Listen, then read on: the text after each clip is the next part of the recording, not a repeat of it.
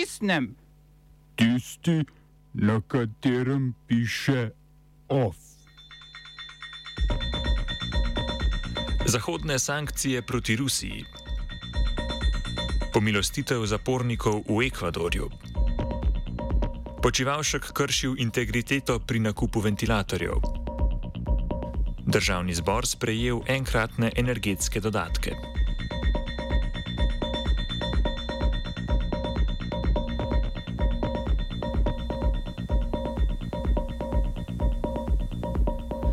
Dobr dan. Zahodne države so začele izvajati sankcije proti ruskim podjetjem in posameznikom v odgovor na včerajšnje priznanje neodvisnosti območij Donetsk in Lugansk v Ukrajini pod nadzorom proruskih separatistov. Ameriške sankcije naj bi nekatere ruske banke odrezale od zahodnih finančnih trgov, prav tako pa je obveljala prepoved trgovanja z ruskimi državnimi obveznicami na ameriških trgih. Podobno se so s svojim paketom sankcij storile tudi države Evropske unije. Prosto po Toninu so zdaj rusko priznanje oziroma napoved napotitve vojske na dotična območja označile za invazijo. Jutrišnje srečanje zunanjih ministrov ZDA in Rusije je odpovedano. Predsednik ZDA Joe Biden pa je napovedal popolnoma defenzivno napotitev dodatnih enot ameriške vojske v baltske države. Kitajska je sankcije označila za prilivanje olja na ogen in zavrnila možnost lastnih sankcij zoper Rusijo.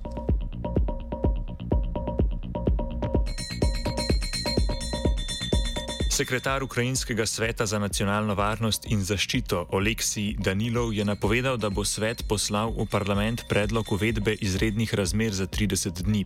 Tako bodo oblasti lahko uvajale policijske ure in omejitve gibanja. Prav tako so v Ukrajini začeli z upoklicem rezervistov, splošna mobilizacija pa po besedah Danilova za zdaj še ni načrtovana. Poleg tega je ukrajinsko zunanje ministrstvo pozvalo svoje državljane naj zapustijo Rusijo.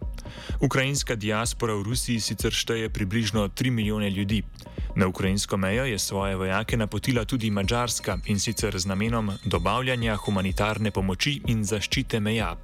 Srpski predsednik Aleksandar Vučić je izrazil pripravljenost, da obsodi priznanje Donetska in Luganska pod pogojem, da ukrajinski predsednik Zelenski na televiziji obsodi NATO-vo bombardiranje Beograda leta 1999.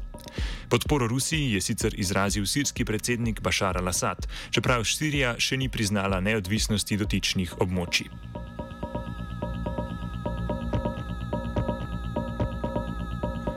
Izraelska vojska je z zasedenih območij na Golanski planoti izstrelila več raket proti Siriji. Nobena stran ni komentirala dogodka. To je sicer že tretji izraelski napad na Sirijo ta mesec. Včeraj pa so izraelski vojaki na okupiranem območju na Zahodnem bregu ubili 14-letnega dečka, ki naj bi bil eden od treh osumljenih, ki so metali molotovke na mimoidoče voznike. Izraelska vojska je dečkovo smrt potrdila.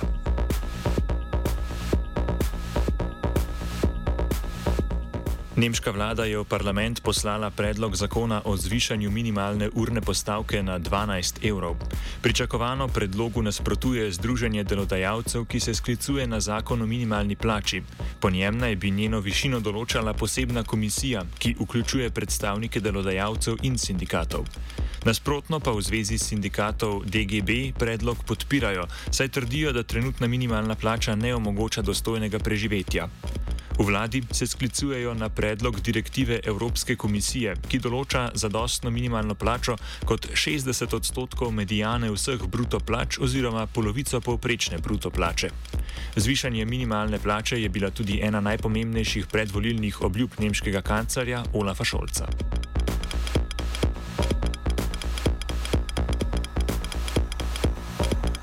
Ekvadorski predsednik Guillermo Lasso je napovedal pomilostitev približno 5000 zapornikov, s čimer naj bi zmanjšal prenatrpanost ekvadorskih zaporov.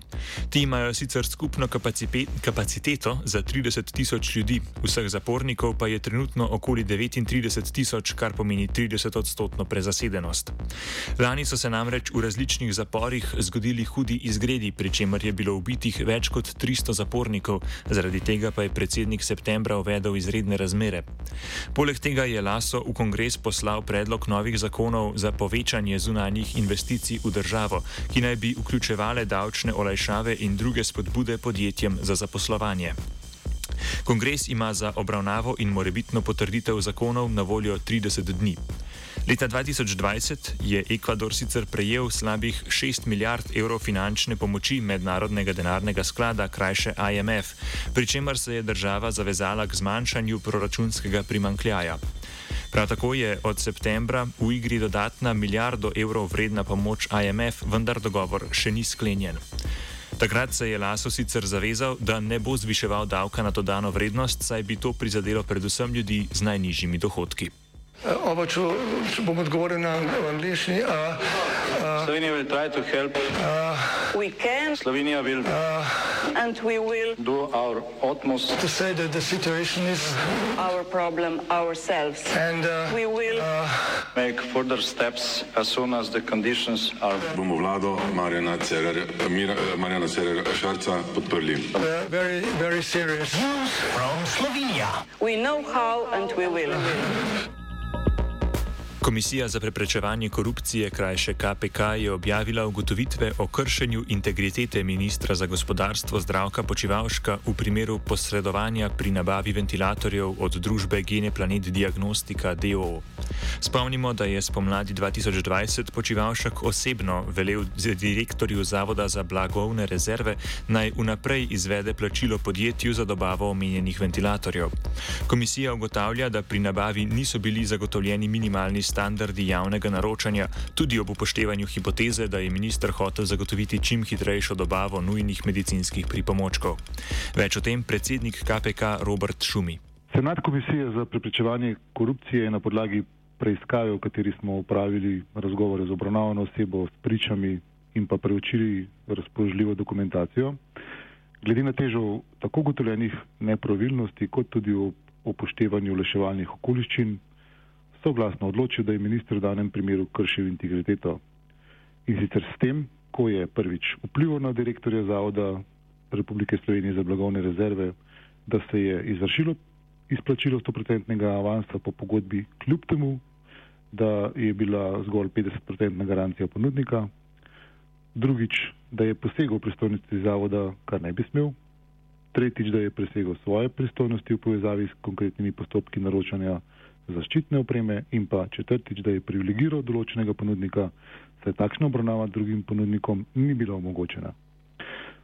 To ravnanje ministra to, tako, oziroma torej predstavlja kršitev integritete in glede na težo kršitve pričakujemo, da se bodo v Sloveniji spoštovali tako določeni standardi, kot tudi veljavna zakonodaja.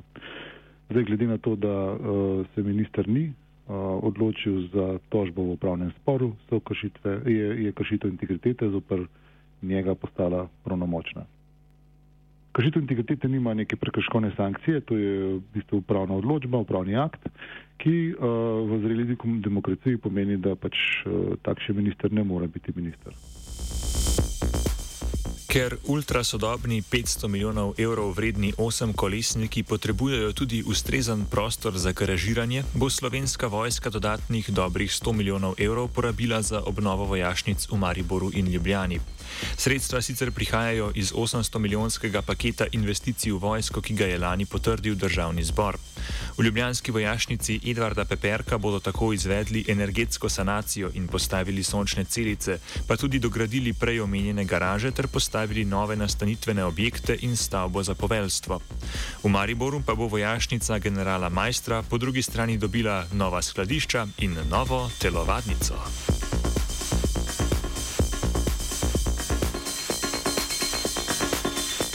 Poslanci državnega zbora so na včerajšnji seji potrdili zakon o ukrepih za omilitev posledic visokih cen energentov, po katerih bo država upravičencem izplačala 150 evrov za pomoč pri plačevanju vedno višjih položnic za gretje in elektriko. Dodatek bodo prejeli upokojenci s pokojninami nižjimi od 1000 evrov in decembrski upravičenci do socialne pomoči, varnostnega dodatka ali dodatka za invalidnost. Prav tako bodo vsi odjemalci opravičeni plačila plačila omrežnine in nekaterih dodatkov od februarja do konca aprila. V sklopu programa za razmnoževanje slovenskega naroda, ki ga je sprožil oziroma ga namerava sprožiti ministr za gospodarstvo Zdravko Počivalšek, pa bodo dodatnih 50 evrov prejele družine z več kot štirimi otroki.